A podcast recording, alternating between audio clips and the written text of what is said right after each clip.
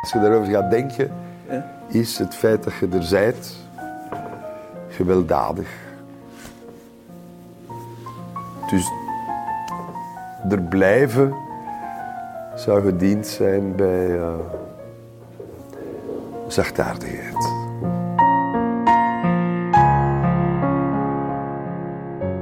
Welkom bij de derde aflevering van onze reeks Grote Vragen.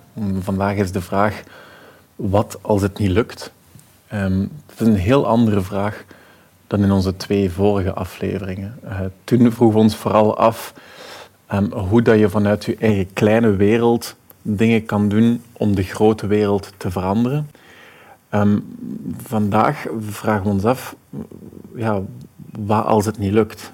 Wat als je in die kleine wereld van alles doet om die grote wereld te veranderen, maar die grote wereld verandert niet? Of wat als die grote wereld op zo'n manier verandert dat die kleine wereld ook mee verandert op een manier die je niet wilt, waar dat je geen controle over hebt? Hoe gaat het met dat soort dingen om? Um, ik kan deze reeks niet beginnen zonder eerst onze mecenassen te bedanken. Het is enkel dankzij hun steun en hun financiële steun dat wij kunnen uitzoomen wanneer dat alle andere media inzoomen. Dus dank u. En als je dat uitzoomen zelf ook belangrijk vindt, lees dan eens wat meer over ons mecenaat. Op zwijgendesgenoptie.be slash kan je alle informatie daarover vinden. De eerste gast die we langs hebben uh, vandaag is uh, Steven Vromman. Uh, Steven Vromman heeft meer dan tien jaar als low impact man gestreden voor het klimaat. Gestreden om ons onder de 2 graden te houden. En een paar jaar geleden hadden wij hem bij ons op bezoek.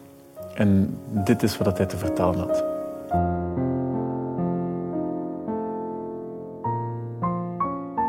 Het is natuurlijk zo dat als er sokken zijn, dat de mensen die het meest uh, getroffen worden de zwakste zijn. Hè? Dus ik hoop niet dat we uh, allee, dat, is, dat we echt drastische systeemstoringen hebben.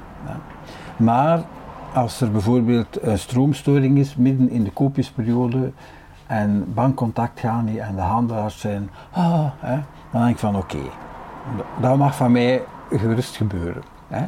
Al is maar om een wakker te schudden. Of als nu hè, Florida bijvoorbeeld uh, getroffen wordt door een orkaan, ja, dat klinkt misschien fout, maar dan heb ik van oké, ik ben blij dat deze keer Amerika is.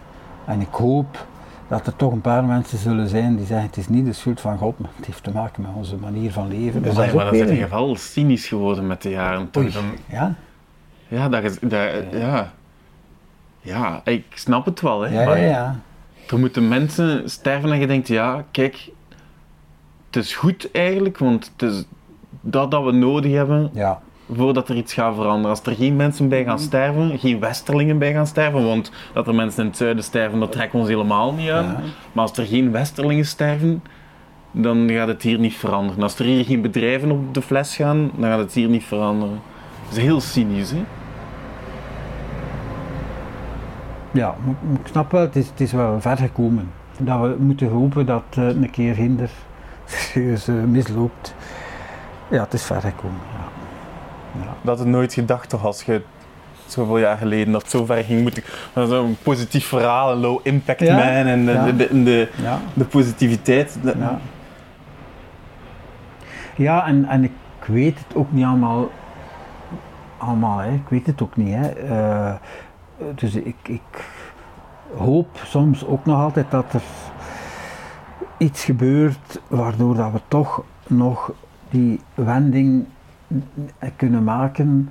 Ehm, maar die hoop wordt natuurlijk wel wat kleiner als je het jaar na jaar ziet erger worden. En als je ziet, ondanks uh, Parijs en, en alle mooie verklaringen, dat de uitstoot blijft stijgen gewoon. Hè. Ja. Dus die twee graden gaan we nooit halen. Hè. Dat is eigenlijk ondertussen... dat, dat zou betekenen dat we nu vandaag moeten stoppen met fossiele brandstoffen uit de grond halen. Dat gaat niet gebeuren. Hè.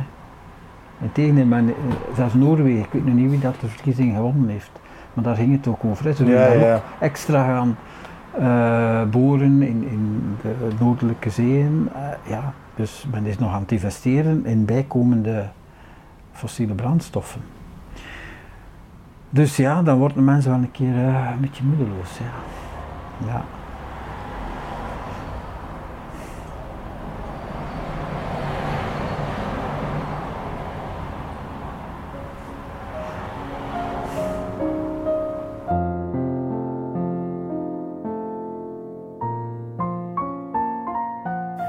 Hoe ga je om met dat verdriet? Je, je ziet Steven eigenlijk rouwen. Je ziet hem rouwen om de wereld die wordt wat hij niet wou dat hij zou worden.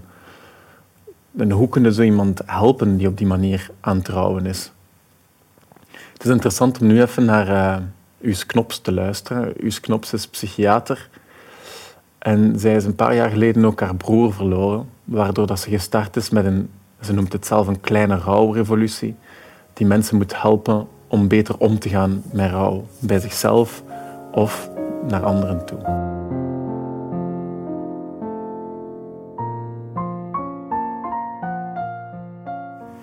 Als ik het, eh, de verhalen las vanuit de psychiatrie en ook het stukje over rouw en het stuk waarin je praat over hoe dat mensen daarop reageren, op rouw, mhm. of hoe moeilijk dat mensen dat vinden om daarmee om te gaan met iemand mhm. die aan het trouwen is. Um, er gelijk een parallel in dat we, dat we het precies als mensen heel moeilijk vinden dat het gewoon moeilijk is soms. Mhm. Dat er zo dat we zo eenvoudige oplossingen willen. Of dat als iemand aan het trouwen is, dat je zo meteen in een fix-modus schiet. Ja. Eigenlijk, we haalden het voorbeeld aan van mensen die advies geven om te gaan wandelen of zo. Heel mhm. praktisch omdat we daar, ik herken dat ook bij mezelf, dat, je zo niet, dat het heel moeilijk is om gewoon iemand verdriet toe te laten en niet te proberen dat te, te fixen. Ja. Zo. ja, absoluut. We willen inderdaad, we hebben een soort van hulpverlenersreflex. We willen snel in oplossingen denken. Um, vanuit de illusie dat het dan ook een oplossing is of dat dan iemand geholpen is en dan kunnen we weer verder. Ja. Ehm, en dat is op zich mooi en het is goed om samen met mensen na te denken over oplossingen. Maar de stap die daaraan vooraf gaat, uh, die is zo essentieel en hoe meer ik daarmee bezig ben, um, hoe meer ik die bevestiging voel dat die stap van um, erkenning geven aan een negatief gevoel, hè, bijvoorbeeld uh, verdriet of verlies of ja, wat dan ook, Ehm, dat, dat die stap zo essentieel is om een volgende stap uh, te kunnen toelaten, of dat die succesvol is. Um, als er geen erkenning is voor verdriet, um, ja, dan voelen mensen zich miskend en dan blijven ze in dat verdriet nog meer zitten en dan zal dat advies ook langs hen heen gaan. Mm -hmm. maar om erkenning te geven aan verdriet, wil dat ook zeggen dat ik, dat ik meevoel met jou en dat ik mij proberen voor te stellen hoe dat is om dat verdriet uh, te hebben, om die persoon nu te moeten missen. En dan begint dat zelf, dan begin je dat te voelen. Ja. En dan heb je, dat is ongemakkelijk en dan heb je daar ook last van. En um, daarbij krijg je dan nog zo'n machteloos gevoel, want eigenlijk valt dat niet op te lossen ja, in één gesprek. Of kun je niet ineens de meest filosofische uitspraak doen, waarop die persoon ineens zegt ah, maar zo had ik het niet bekeken. Nu kan ik weer verder. Nee, liefst niet, is er met één uitspraak niet. Ehm, dus je hebt zelf dat negatief gevoel vanuit de empathie, uh, dat machteloos gevoel. En we zijn daar als gesprekspartner, dat is ook logisch, hè? we zijn er ook niet altijd aan toe om dat zelf te voelen. Omdat we zelf in onze levens wegzitten en de waan van de dag en dingen die moeten gebeuren. Dus dat gaat niet altijd vanzelf. Um, maar dat wil niet zeggen dat het daarom nooit moet gebeuren. En dat is wel een, een oproep die ik wil doen, of in mijn kleine rouwrevolutie, een, uh, een, een, advies dat ik mensen wil, uitspreken, uh, wil uh, geven. Probeer daar wel af en toe tijd voor te maken. Om stil te staan, om...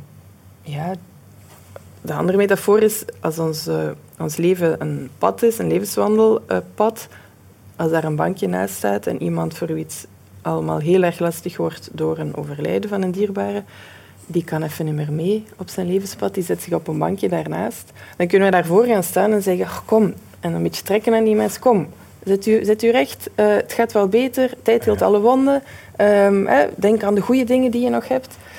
Um, maar hoeveel mooier en uh, ja, waardevoller is het om naast die persoon op dat bankje te gaan zitten. En te zeggen, wat afschuwelijk dat jou dit nu moet overkomen.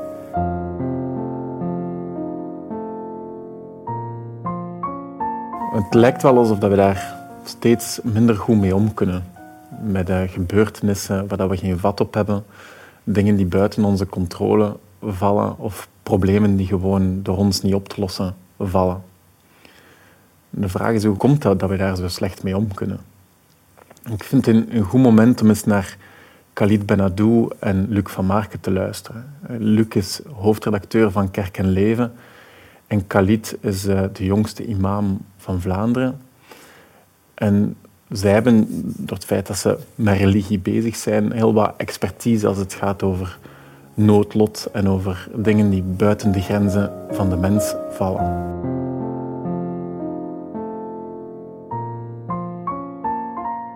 Ik merk wel dat, dat, dat de landen waar secularisering zich het hardst heeft voltrokken, dus waar mensen geneigd waren om die religie uh, overboord te gooien, dat dat landen zijn waar een heel sterke welvaartsstaat is. Omdat een van de belangrijkste functies van religie was een sociale functie. Ja. zij konden aan zieken zorg doen, aan armen zorg doen. En de overheid heeft dat voor een stuk uh, weggenomen van, van, van de religie, waardoor mensen geneigd waren om te seculariseren. En, ja. Alleen denk ik dat de overheid... Opportunistisch. Eigenlijk zou je dat wel... Ja, daarom dat ik altijd spreek over, over het atheïsme in Europa als een vorm van praktisch atheïsme. Uh, in tijden van welvaart en zo verder ben je niet geneigd om, om dan de successen toe te dichten aan een metafysisch kader. Maar dat ja, ja, ja, ja. Ik heb het gedaan. ja, ja. Mijn eigen krachten. Ik heb God niet nodig daarvoor. Ja. Het gaat goed met mij. Dus ik denk dat er een zeker ook praktisch atheïsme in Europa leeft. En nu dat het zo wat minder begint te gaan, misschien zo. Ja, dan zie, Fuck. Ja. je ziet dat zingeving en spiritualiteit terug, uh, terug in, in, zijn. Hè. Ja. Alleen, zoals ik zei, het is allemaal een beetje veel te vers, ook voor heel veel Europeanen, om dan terug het katholicisme te omarmen. Ja. Maar je ziet dat er ook naar boeddhistische tradities ja, ja, uh, wordt gegrepen. Alleen al de boel met meditatie. Ja, al, inderdaad. mindfulness en, en, en, al die andere soorten therapieën die allemaal vandaag terug de kop opsteken. Uh, alleen denk ik, het katholicisme is, is, veel, is nog veel te dichtbij. Uh, uh, de islam wordt nog altijd gezien als de ander. Dus daar zal men ook zich niet meteen mee willen associëren of identificeren. Maar je merkt wel dat er terug een roep is naar zingeving, naar gemeenschapsvorming. En, en zoals ik zei, de overheid heeft heel, lange tijd die solidariteit die, die religie kon, kon bieden uit de handen genomen. Maar het was vooral een materiële solidariteit. Mensen kregen wel uitkeringen. Mensen werden voorzien in een, een stuk welvaart via, noem maar op, uh, werkloosheidsuitkeringen, pensioenen, invaliditeitsuitkeringen. Maar de emotionele solidariteit, daar kon de overheid zich niet ontfermen. En dat was een gat die religie wel ook nog vulde. Uh, vandaag verkeren heel veel mensen, ondanks dat ze allemaal uitkeringen hebben, in eenzaamheid. Ik heb gezien, vorig jaar was er een studie geweest, trouwens ook van UGent, waaruit blijkt dat, dat gewoon in België 50% van, van de Belgen in eenzaamheid leeft. Dus je zou kunnen denken, in tijden van voorspoed welvaart, waar we nog nooit zo rijk zijn geweest, toch blijken heel veel mensen voor een stuk niet altijd gelukkig te zijn, in eenzaamheid te verkeren. Het aantal zelfmoordneigingen en dodingen is nog nooit zo dramatisch hoog geweest. Dus je ziet dat, dat, dat het verhaal dat we ooit hebben gepropageerd van wij hebben God niet nodig en wij als mens, wij staan centraal en wij zullen het allemaal wel uh, kunnen redden, dat, dat vertoont vandaag barsten. Daarmee wil ik niet uh, oproepen om te zeggen, goed, we moeten nu terug naar religie uh, zoals die ooit werd beleefd. Ik denk dat religie wel nog een speler is die, die mee kan nadenken over hoe, hoe, hoe we terug dat evenwicht kunnen zoeken. Alleen zal het geen religie zijn zoals die in het verleden werd beleefd. Daar zullen mensen niet voor openstaan. Dus ook religieuzen zullen zichzelf moeten heruitvinden en zullen vooral moeten kijken hoe zij antwoorden geven op de uitdaging van de 21ste eeuw. Mm -hmm. Ik denk dat religie moet nadenken hoe, hoe gaan we om met, met uh, de, voor een stuk artificiële intelligentie, biotechnologie, genetische modificatie, klimaat. Mm -hmm. hè, dat ook de we wereld vandaag bezig is. Dat zijn allemaal thema's die er te doen. En als religie in staat is om te zeggen, goed, wel, wij hebben daar ook een antwoord op en we kunnen daar mee over nadenken, ja. Ja, dan kan het nog misschien wel aantrekkelijk zijn voor mensen om te zeggen, goed, ja, daar willen we wel nog wel aan luisteren. Ja. Maar als je natuurlijk als, als religie nog altijd vastzit in een dogmatische structuur waar je echt naast de realiteit leeft, dan, uh, dan denk ik dat, dat religie op die manier geen toekomst heeft.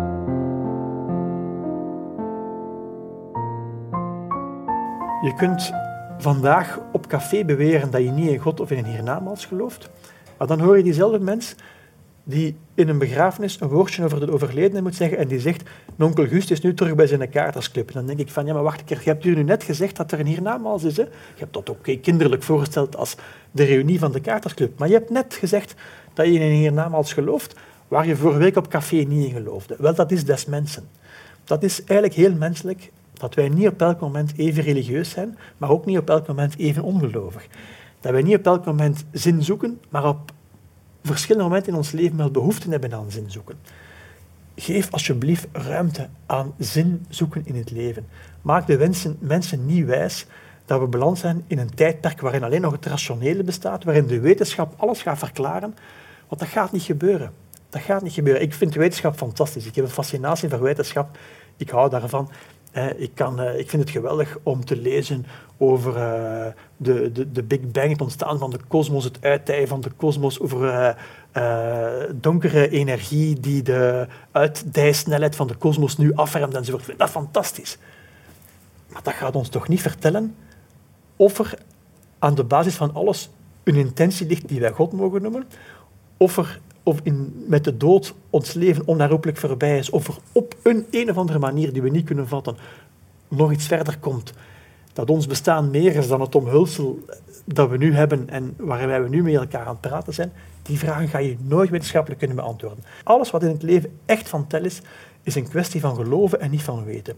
Vriendschap, liefde, de mensheid, de toekomst, Jij kunt geloven in de vriendschap of je kunt daar niet in geloven. Jij kunt geloven in de liefde, je kunt geloven in de mensheid, je kunt vertrouwen op de toekomst enzovoort. Nooit of te nimmer gaat iemand u een sluitend wetenschappelijk bewijs kunnen geven van uw vriendschappen of van uw liefde, voor wie het ook mogen wezen. Dat kun je nooit wetenschappelijk staven. Als wij met elkaar praten, dan vragen wij niet voortdurend bewijs wat je nu net gezegd hebt.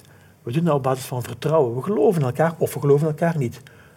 Dat zijn opties die we hebben. Alles wat in het leven fundamenteel van belang is, is een kwestie van voorwaar aannemen zonder dat je puur rationeel, puur wetenschappelijk sluitende bewijzen hebt. En geef alsjeblieft ruimte daarvoor. En dat is geen pleidooi tegen wetenschap. Dat is geen pleidooi om irrationeel door het leven te gaan. Nee, je mag een flink stuk van je leven rationeel organiseren. Je mag je samenleving op wetenschappelijke basis voor een flink stuk funderen, zoals bijvoorbeeld in het klimaatdebat noodzakelijk is. Maar daarnaast ga je altijd heel essentiële dingen in het leven hebben die niet gebaseerd zijn op zeker weten in de wetenschappelijk rationele zin van het woord, maar die gebaseerd zijn op vertrouwen. Ik durf hierop te vertrouwen. Ik durf te vertrouwen dat mijn vrouw mij graag ziet. Ik durf te vertrouwen dat het goed komt met mijn kinderen. Ik durf te vertrouwen dat de mens in wezen het eigenlijk allemaal wel goed bedoelt. Hè?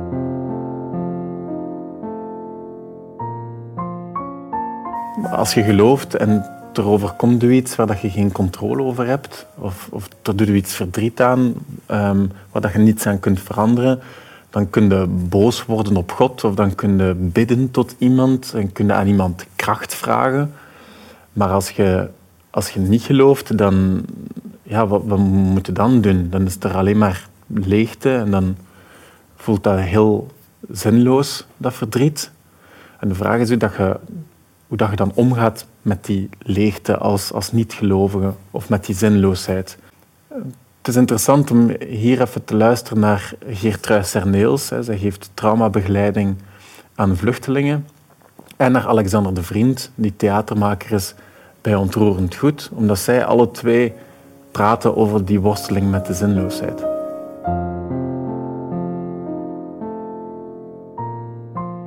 Ik heb uh, Nietzsche omarmd. Ik ken hem te weinig om te weten. Het leven is nonsensicaal. En ofwel zeggen ze van, ga er daaronder door, ofwel zeggen ze van, ja, maar dat geeft mij dan de vrijheid om daar iets betekenisvol van te maken.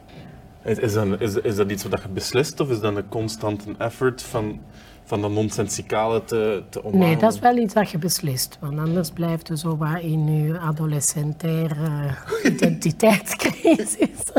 maar zo ja, wat, wat, wat is het leven? Hè? Wat betekent leven? Is dan nu opstaan en dan gaan werken. En, en voor wat werken? En dan schone kleedjes kopen en nog een auto en nog een grotere auto. En betekenis zoeken. Hè? En Wanneer heb je dat beslist? maken. Is er, is er een moment geweest? Ja, ik denk ook wel dat... allee, dat, dat, dat, dat, kantelmoment in Alcatel, dat je zegt van... eh, ja, dat is voor mij toch te weinig, zonder dat te ver of beoordelen, weinig zingevend. Eh, zo gaan werken en, en commercieel. Ik wil impact hebben. Als ik bijvoorbeeld met Charlotte aan, aan de ontbijttafel zit en ik zit aan mijn kant, hè, mijn vaste plek, eh, en zij zit daar en ik kijk naar het werkje van mijn papa en zij kijkt naar de boekenkast en wij kijken altijd naar ons computer en we zijn zo aan het ontbijten. Dat is dezelfde granola als de week daarvoor, maar ze heeft die opnieuw gemaakt en die is toch een beetje anders. En je kunt dat zo rap ongelooflijk saai vinden en banaal, maar het is niet zo moeilijk om dat iedere keer opnieuw als een ja, sorry dat ik dat woord gebruik, maar als een soort mirakel te vinden. Hey, ik, en dan niet ervan uit te gaan dat dat dezelfde persoon is of dat dat dezelfde granola is. Of dat dat werkje er hetzelfde uitziet. Als je daarvan uitgaat dat dat niet zo is, ik vind dat wel een heel... Oeh, dat geeft zo'n bevrijding van, van, van, van de angst van het banale en de angst van de zinloosheid ehm, van alles. Want als je het verandert, dan lijkt het alsof je de zinloosheid hebt opgeschoven. Maar dat is ook, dat ook zinloos om te blijven te veranderen, nu. Eh, Het zijn die mensen die zeggen van ja, ik moet altijd nieuwe dingen meemaken, maar dat is eigenlijk de grootste loop om altijd nieuwe dingen mee te maken. Dat is waar dat het kapitalisme op. Je moet altijd nieuwe producten hebben, zodat mensen opnieuw kopen. Dat is bijna... Maar sommige mensen verwarren, denken dat dat geen loop is. Maar dat is eigenlijk misschien nog een, een, loop, want hij doet alsof dat hij geen loop is. Ja. Hey, het, het bestaan is compleet zinloos. Maar, maar, Komt er zo vlot uit, hè? maar ja, ik vind, dat ook, ik vind dat ook geen probleem. Ik vind dat een nulpunt dat je kunt beginnen werken. Ja. Dat wil niet zeggen dat ik geen stuk maak waarin dat ik probeer aan te kaarten wat dat er bijvoorbeeld mis is met, met kapitalisme. Hey, ik dat ik, ik, ik, ik word, maar ik, ik, het is niet omdat je kapitalisme wilt veranderen dan. Of... jawel, jawel. Maar, Maar, ja, dat is een doel. dat is een- ja, maar dat, ah shit. Nee, nee, nee, ik snap, ik snap, ik snap. Hmm. Maar ik denk door te praten. Eh, daarom doe ik theater. Zot gezellig. Ehm, kijk. Als je jezelf definieert aan de hand van je grote gebeurtenissen. Hè, als ik aan u vraag wie zij hij, dan ga je niet zeggen, ik ben iemand die elke dag opstaat en zijn koffietje drinkt en naar dezelfde winkel gaat en dergelijke. Dus hij gaat dat niet doen. Hij gaat mij, hij gaat mij verhalen.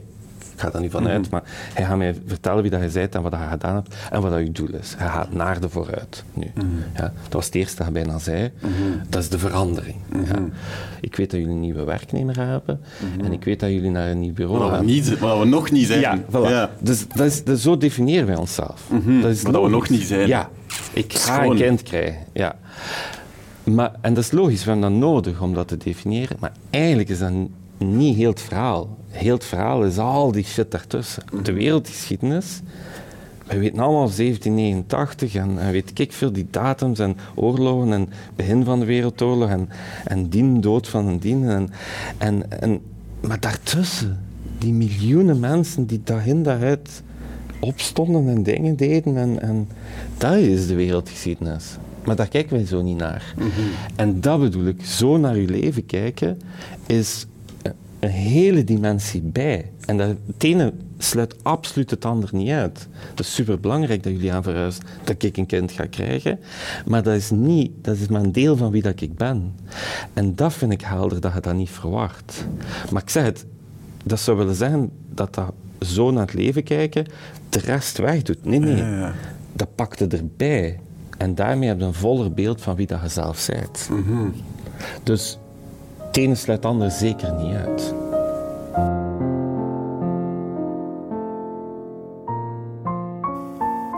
Eh, Geerter en Alexander die, die vinden eigenlijk troost in hun kleine rol in de wereld. Zij, gelijk dat ze zeggen, ze omarmen die zinloosheid en dat geeft hen de vrijheid om ja, die zin zelf te gaan zoeken en zelf zin te creëren in hun leven en die niet te ontlenen aan iets groters.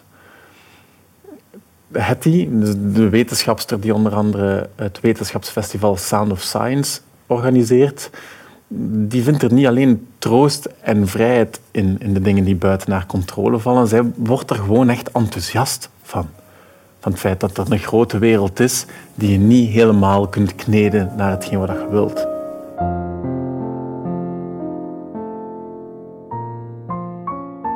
En zo die moleculaire biologie. Heel het kleinste van het kleinste. Ja, wel. Dat is, eh, vind ik nog altijd even boeiend als de eerste keer dat ik er eh, mee in aanraking kwam. Dus, Ja? Dat lijkt mij bijna onmogelijk. Nee, nee, nee want er, er verandert zoveel. Er worden zoveel nieuwe dingen ontdekt. Dat ik ja, bijna, bijna nog enthousiaster word dan, eh, Ja? dan tien jaar geleden daarvan. Ja. Want dan hebben ze de promise en nu, nu weten toch ook hoe traag dat alles gaat. En als je in dat veld terechtkomt, dan is het effectief. Ja, en ik heb het inderdaad niet over mijn eigen onderzoek, hè, want dan ben ik ook stil aan het afbouwen. Omdat ik voel, dat ik, voel eh, dat ik eigenlijk niet in hart en nieren geen onderzoeker ben. Maar als ik dan nu zo wat begin te volgen wereldwijd, wat er allemaal aan de gang is en zich ontwikkelt, dan, dan word ik daar soms echt inherent blij van als ik iets schoons zie passeren. Ja, nee. Je schreef dat, of je zei dat ergens, dat je zo het woord doorbraak niet wilt gebruiken Nee. als het over wetenschap Nee, gaat. nee. Ik vind dat je niet altijd het verhaal moet brengen dat al klaar is. Er is hier in Vlaanderen en in België zijn er zoveel wetenschappers bezig met gigantisch interessante dingen waar dat er niemand ooit iets van gehoord heeft. Ik vind, je moet, je moet niet altijd die, die, die sensationele actualiteit opzoeken om mensen te verwonderen en te verbazen. Ehm, in de podcast met Lieven ook. eh, ik denk dat verwondering daar centraal staat. Op festival ook, op Sound of Science ook. Ehm, en we zijn dat aan het, aan het kwijtspelen op een of andere manier. Hoe voelde dat, dat, dat dat we dat aan het kwijtspelen zijn? Ik voel heel vaak dat er... Ik zeg het, dat er zeer reactief gereageerd wordt op, op trends in de maatschappij. eh, dat er zeer gepolariseerd wordt en gedacht wordt over heel veel. Over klimaat, over migratie, ehm, over genetische manipulatie. Ehm, dat het altijd maar gaat om, om gelijk halen, gelijk hebben, gelijk krijgen. Dat dat een soort gevecht geworden is. Dat, dat die, die mooie, rustige laag die daaronder zit van... Kijk een keer wat dat, dat kan. Kijk een keer wat dat die moleculen kan. Kijk een keer hoe dat wij van binnen in elkaar zitten. Of kijk hoe ons heelal dit of dat ons leert. Die, die onbevooroordeelde blik naar iets, ik vind die vrij zeldzaam. Ik kom die niet zo heel vaak tegen. Eh, ja. Klinkt zoals een gebrek aan nieuwsgierigheid. Misschien wel. Misschien wel. Van ons eigen kleine bubbeltje, pensioen, allemaal zeer belangrijk natuurlijk. Hè. Maar, maar snapte zo? Ja, we het- zitten in de kleine vragen. ja, het kleine Legoland-ding van hè, schoolkeuzes. En ik zeg het opnieuw, uiteraard allemaal relevant en belangrijk. Maar zo een keer al die mannetjes zo naar boven laten kijken. Alright, check it out. Ja, Dat zo. Ik mis dat. ja. Ja. En ik weet dat heel veel onderzoekers dat dat de, de, de drive is waarom dat zij doen wat dat ze doen. Waarom dat zij blijven zoeken naar hoe ontstaat Alzheimer of blijven zoeken naar een materiaal voor zelfhelend beton. Dat is die, ja. die verwondering en die... Ja, ook uiteraard een stuk om een maatschappelijk probleem op te lossen, om een ziekte de wereld uit te helpen, om kapotte bruggen te herstellen, weet ik veel wat. Maar, maar opnieuw, hè, het gaat zodanig traag dat je je bijna niet kunt laten stimuleren door de mogelijke oplossing die daar gaat uitkomen. Omdat je dan uit brand... Ja, want het, het ligt misschien over 35 jaar voor Dus Ja, dat, ja, ja. dat kan niet. En dat voel ik zelf ook. Voor mij gaat het onderzoek effectief te traag. Maar het, het wel kunnen blijven doen is gewoon dag na dag verwonderd zijn over, over wat de natuur kan, over wat, wat wetenschap kan, over wat dat wij zelf kunnen. Ehm, Dat is leuk als je erover vertelt. Dan een wetenschapper eerder als iemand die zich zo, door te begrijpen, machtig wil voelen over de wereld. Hè, zoals een, eh, een wezen boven de andere. Ja. Terwijl als jij erover vertelt, Ja. over wat het met u doet, dan lijkt het mij eerder dat het u heel klein doet voelen. Ja, ja. Ja. En, en daardoor ook de problemen waar dat je zelf mee worstelt, voor mij worden die op dat moment ook een stuk kleiner. Op een of andere manier word ik daar inderdaad heel rustig van dat E altijd mc kwadraat is. Snap Ja. je? Van oké, goed. Wat dat jij of jij of jij ook denkt over mij, dat blijft, dat blijft altijd hetzelfde. Dat is, ja. Ja, dat klinkt gelijk mediteren. Ja, een beetje wel. Het is een, ja, het is een stuk, een stuk rust vinden in, ja, in wat er is. In wat er buiten ons is, maar eigenlijk ook gewoon binnen ons is.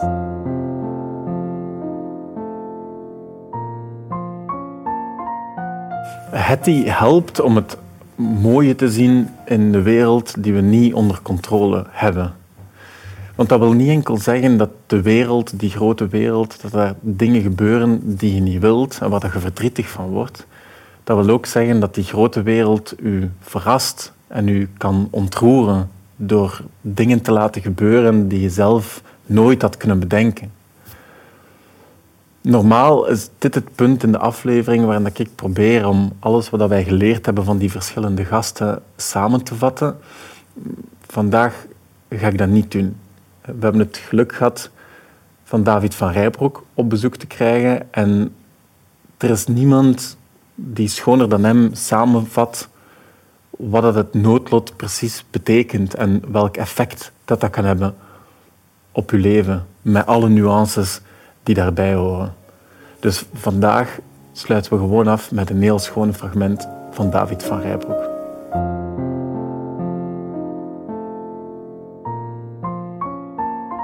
Is het toeval dat, dat, zo, dat je met yoga begint en geweldloze communicatie begint zo kort na de, na de kabelbaan Mm. aangevlogen Ja. is geweest? Ik was eh, 26 toen, eh, toen ik vijf vrienden verloor in het ongeluk met, eh, met een kabelbaan in Italië. Toen die kabelbaan werd aangesneden door een Amerikaans gevechtsvliegtuig. Dat heeft wel gezorgd voor een groot moment van, eh, van verdriet en ontreddering. Blijft wel zo het, het, het uur nul van, van mijn leven, tot vandaag eigenlijk. Dat heeft inderdaad. eh, dat heeft ervoor gezorgd ook dat ik. eh, dat, heeft, dat heeft heel veel veranderd in, in mijn leven. Ik was op dat moment eh, wetenschappelijk onderzoeker aan een universiteit en ik dacht dat dat mijn toekomst ging zijn. En, eh, en ik schreef toen al, ik schreef graag, ik schreef poëzie en, en reportages. En ik dacht dat ik op, op mijn pensioen, eh, in mijn pensioen wel verder zou gaan. En toen heb ik besloten, nee, ik moet het leven wat ik wil leven, moet ik nu leven. Als dat hetgene is wat ik het liefst van al doe, dan, dan moet ik dat ook durven doen. Ehm, dat is zo'n absolute gebeurtenis geweest in mijn, in mijn, eh, in mijn jonge leven toen, dat eh, in, de, in de schaduw van verdriet eh, groeit er soms enorme luciditeit. Mensen die erin slagen om eh, met hun verdriet eh, geduldig om te gaan, om begrip te ontwikkelen voor dat eigen verdriet, worden altijd helder, worden licht zelfs. Verdriet kan je heel zwaar maken en het drukt echt op je neer. En als je er op een geduldige manier, je moet bijna bevriend worden met je verdriet, dat is het. Je moet bevriend worden met je verdriet. Heb het nooit eerder verwoord. Dat betekent niet dat je het moet gaan opkloppen, maar het betekent ook niet dat je het moet gaan ehm, onder de mat gaan vegen. Je moet gaan wandelen met dat verdriet. En het is een bergtocht. Maar op het einde van die bergtocht heb je een uitzicht. En dat verandert alles. Er is een soort lichtheid in je gekomen. Uh, een soort besef van je kleinheid, van je nietigheid. En net daar ligt je kracht.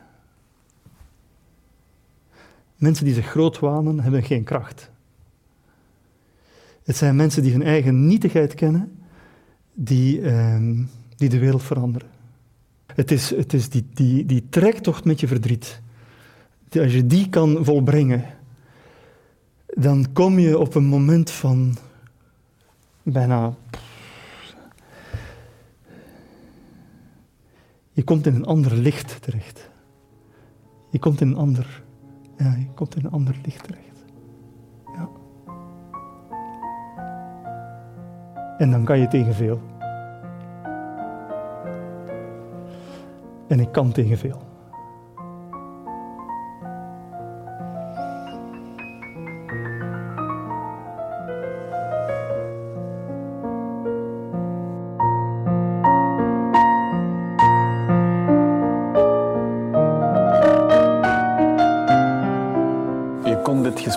Gratis bekijken of beluisteren dankzij de Zwijgende Schinopsie Mecenassen. Dat zijn mensen die een financiële steun ervoor zorgen dat wij de tijd hebben om deze gesprekken voor te bereiden, op te nemen, te monteren en uit te zenden en die ook voor iedereen gratis beschikbaar te stellen. Als je zelf overweegt om mecenas te worden, kijk dan zeker eens op zwijgendeschinoptie.be slash mecenaat.